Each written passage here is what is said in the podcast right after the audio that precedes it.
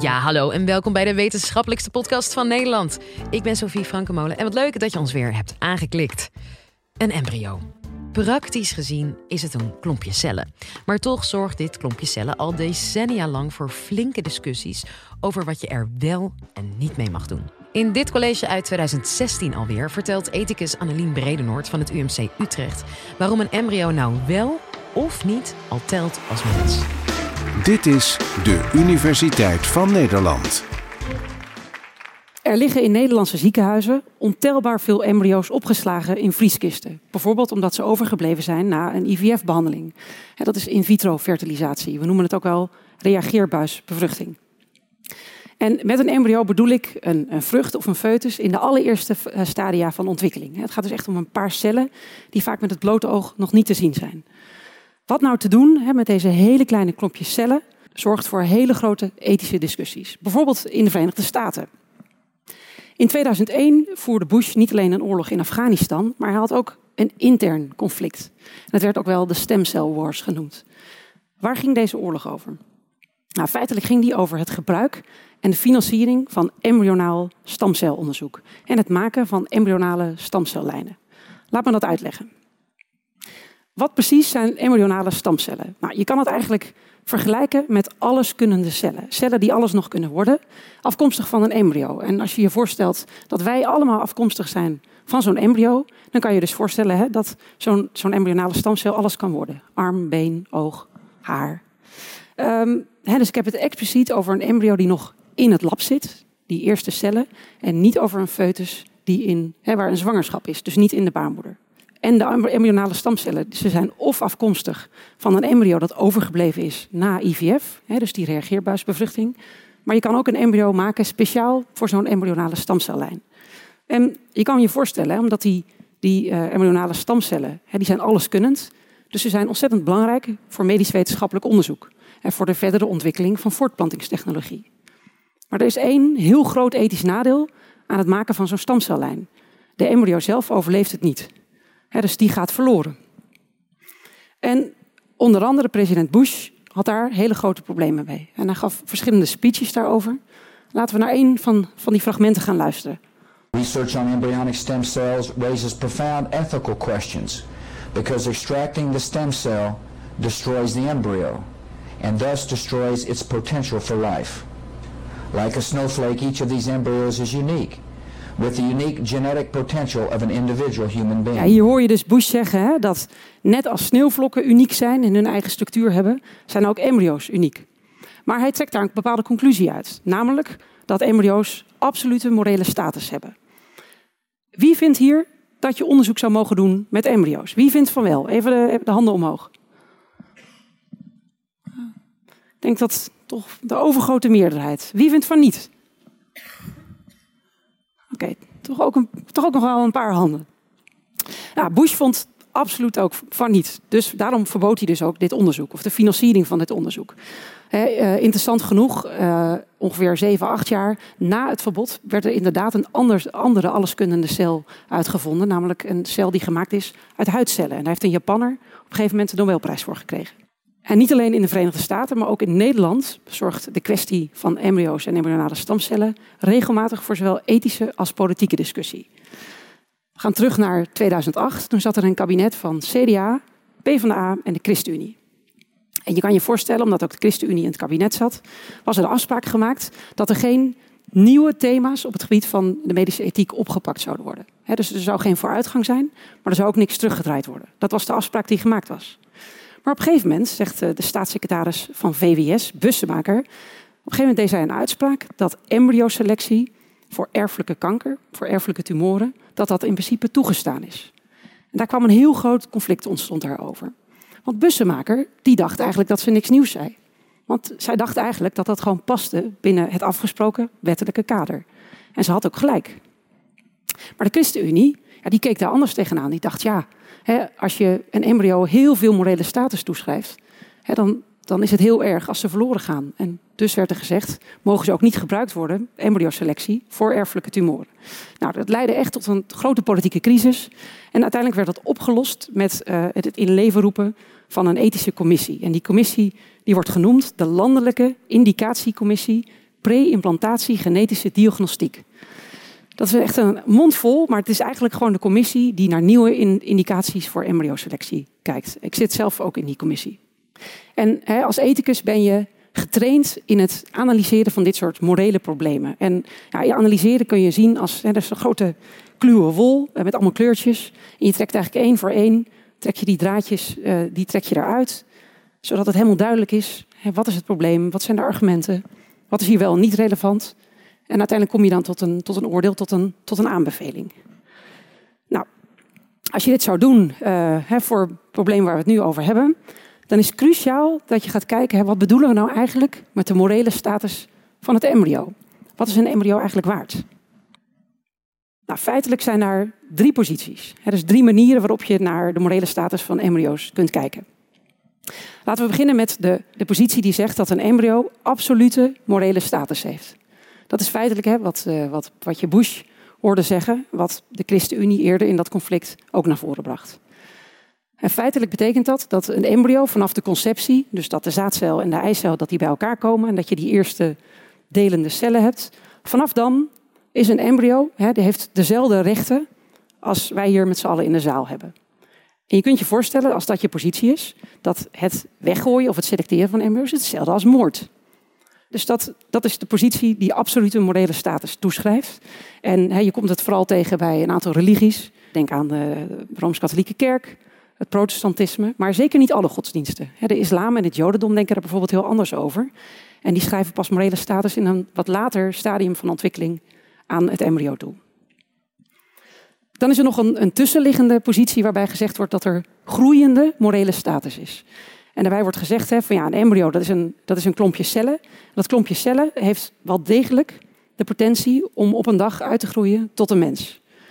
Maar de kans dat een embryo echt ooit een mens wordt, is ontzettend klein. Er gaan, heel veel embryo's gaan daar uiteindelijk verloren, ook in het natuurlijke proces.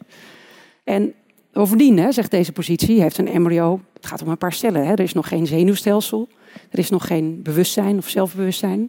En er is ook nog geen sprake van lijden of iets kunnen voelen. En daarom zegt deze positie, is er geen, moraal, geen morele waarde aan het begin, of een heel klein beetje, maar uiteindelijk groeit die wel. En die groeit gedurende zwangerschap. Dus in het begin is er sprake van een, van een paar cellen. Nou, met een aantal weken gaat dat groeien. En hè, dat volgt dus misschien ook wel intuïtief de, de, de fase van ontwikkeling, hè, waarbij een foetus van bijvoorbeeld 30 weken veel meer morele status heeft dan een embryo in het begin. Dit is ook de positie trouwens van de Nederlandse abortuswet. En dit is een van de redenen waarom bij de abortuswet gezegd is: vanaf 24 weken kan je niet zomaar een uh, zwangerschap afbreken. En dan is er nog een derde positie, en dat is de positie dat een embryo geen onafhankelijke morele status heeft. En daar zou je een beetje gejusteerd kunnen zeggen hè, dat een embryo is een zakje cellen. En het is net zo veel of net zo weinig waard als een ander zakje met lichaamscellen. En dus kan je er in principe mee doen wat je wilt, zolang je maar toestemming hebt gevraagd aan de mensen van wie die cellen afkomstig zijn. Dus een embryo is afkomstig, is altijd afkomstig van een man en een vrouw. Dus als je aan die twee mensen toestemming hebt gevraagd, dan kan je het gebruiken. Eens even kijken hoe, uh, hoe jullie uh, aankijken tegen de morele status van het embryo. Wie vindt dat een embryo absolute morele status heeft? Dus positie 1. Graag even jullie handen omhoog. Kijk, we hebben hier vooraan hebben een aantal mensen met deze positie. Wie vindt um, de tweede positie, dus dat een embryo groeiende morele status heeft? Heel veel handen in de lucht zie ik hier. Ja. En tot slot, wie vindt de derde positie, dat een embryo geen onafhankelijke morele status heeft? Toch ook nog wel, nou, een derde, een vierde zie ik ongeveer in de zaal. Nou, interessante verdeling. Laat ik beginnen met een kritiek op de eerste positie, de positie van de absolute morele status. En dat wil ik eigenlijk doen door middel van een gedachte-experiment. Stel jezelf even voor dat je hè, bij jou om de hoek thuis, naar een gebouw, in het gebouw, die heeft twee functies. Aan de ene kant is een kleuterklas, aan de andere kant is een IVF-kliniek. Dus een kliniek waar reageerbuisbevruchting gedaan wordt. En in die kliniek zitten dus allemaal embryo's liggen daar in de vriezer opgeslagen. En op een dag breekt de brand uit. Brandweer rukt uit. Ze zijn maar met één wagen. En ze moeten dus kiezen. En gaan ze naar binnen? Gaan ze blussen bij de kleuterklas? Of gaan ze blussen in de IVF-kliniek. Als je de eerste positie consistent aanhangt, dan maakt het niet uit waar de brandweer begint. Ik denk dat weinig mensen ook daadwerkelijk dat zouden verdedigen. In de, ethiek heb je de afspraak, je mag alles verdedigen, Maar je moet wel consistent dan je standpunt doorberedeneren. Dus ook kijken op welk punt komt het eigenlijk, ja, kom ik een beetje knel te zitten of wordt het wel heel erg tegenintuïtief. Nou, ik denk hè, dat de meeste mensen hier, als ze eerst al in die eerste positie zaten, toch wel even denken, oeh, kan ik het volhouden? Uh, zelf vind ik de argumenten voor de tweede positie vind ik het sterkst. Ik zag ook de meeste handen hier in de lucht. En die tweede positie die sluit ook intuïtief heel erg aan bij ons gevoel dat uh, als er eenmaal een foetus is in de zwangerschap, dat dat toch echt van een andere orde is dan een embryo wat je eigenlijk met het blote oog nog niet kunt zien. dus ik vind zelf die tweede positie het best verdedigbaar. Maar het lastige is dat die positie weer allemaal nieuwe ethische dilemma's oproept. Bijvoorbeeld, wanneer is de foetus dan net zoveel waard als wij zijn? Op welk punt in de ontwikkeling? En ja, je kan dan bijvoorbeeld de biologie van de foetus volgen. Dus zeggen, nou, misschien bij de innesteling. Of bij de aanleg van het zenuwstelsel. Of misschien als het levensvatbaar is. Of gewoon bij de geboorte. Dat is namelijk het meest duidelijke uh, criterium. Maar dat heeft natuurlijk een zekere willekeur. Hè? En het groeit en het is een beetje moeilijk om echt één punt daadwerkelijk aan te wijzen. En, en tegenwoordig, wat we vaak doen, is dus zeggen van nou, bij de, als de foetus eenmaal levensvatbaar is, daar leggen we een grens. Denk weer aan onze abortuswetgeving. Niet voor niks wordt die grens gelegd bij 24 weken. In principe zou een foetus vanaf 24 weken kunnen overleven. Is iets anders zeggen dan levensvatbaar, hè, omdat het heel veel het helaas toch niet halen. Maar de week van 24, 24 weken wordt als grens gelegd. Maar ook daarin hè, weer een gedachte-experiment. Stel je nou dat we op een gegeven moment kunstmatige baarmoeders hebben. En dat het dus mogelijk is dat we vanaf week 14 foetussen al kunnen ja, doorbroeden en in leven kunnen houden. Betekent dat dan dat we de abortusgrens gaan verschuiven naar week 14 of de week 12? je kan je voorstellen dat dat een behoorlijke inbreuk is op de zelfbeschikking van de vrouw. en dan, dat zou kunnen leiden tot kinderen die eigenlijk niet gewend zijn. dus dat levert weer allerlei nieuwe ethische dilemma's op. dus hoe ik dit nou uiteindelijk afweeg. Ehm, ik zie een embryo wel degelijk als beginnend menselijk leven. Maar dat betekent wat mij betreft niet dat het dezelfde beschermwaardigheid heeft, dezelfde rechten, als wij hier met z'n allen in de zaal.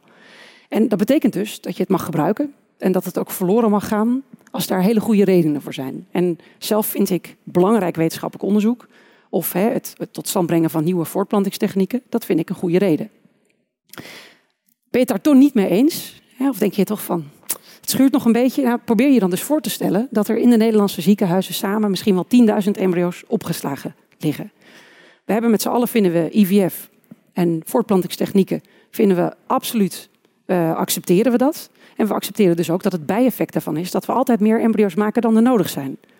Dat is eigenlijk gewoon dat is het bijeffect wat je hebt te accepteren. Als je dat dan ja, toch eigenlijk niks vindt, dan moet je toch ook weer een probleem hebben met de IVF. dus dan kom je daar weer, moet je denken, ga ik dan mijn, plek, mijn positie niet op een andere manier ook weer moeten bijstellen.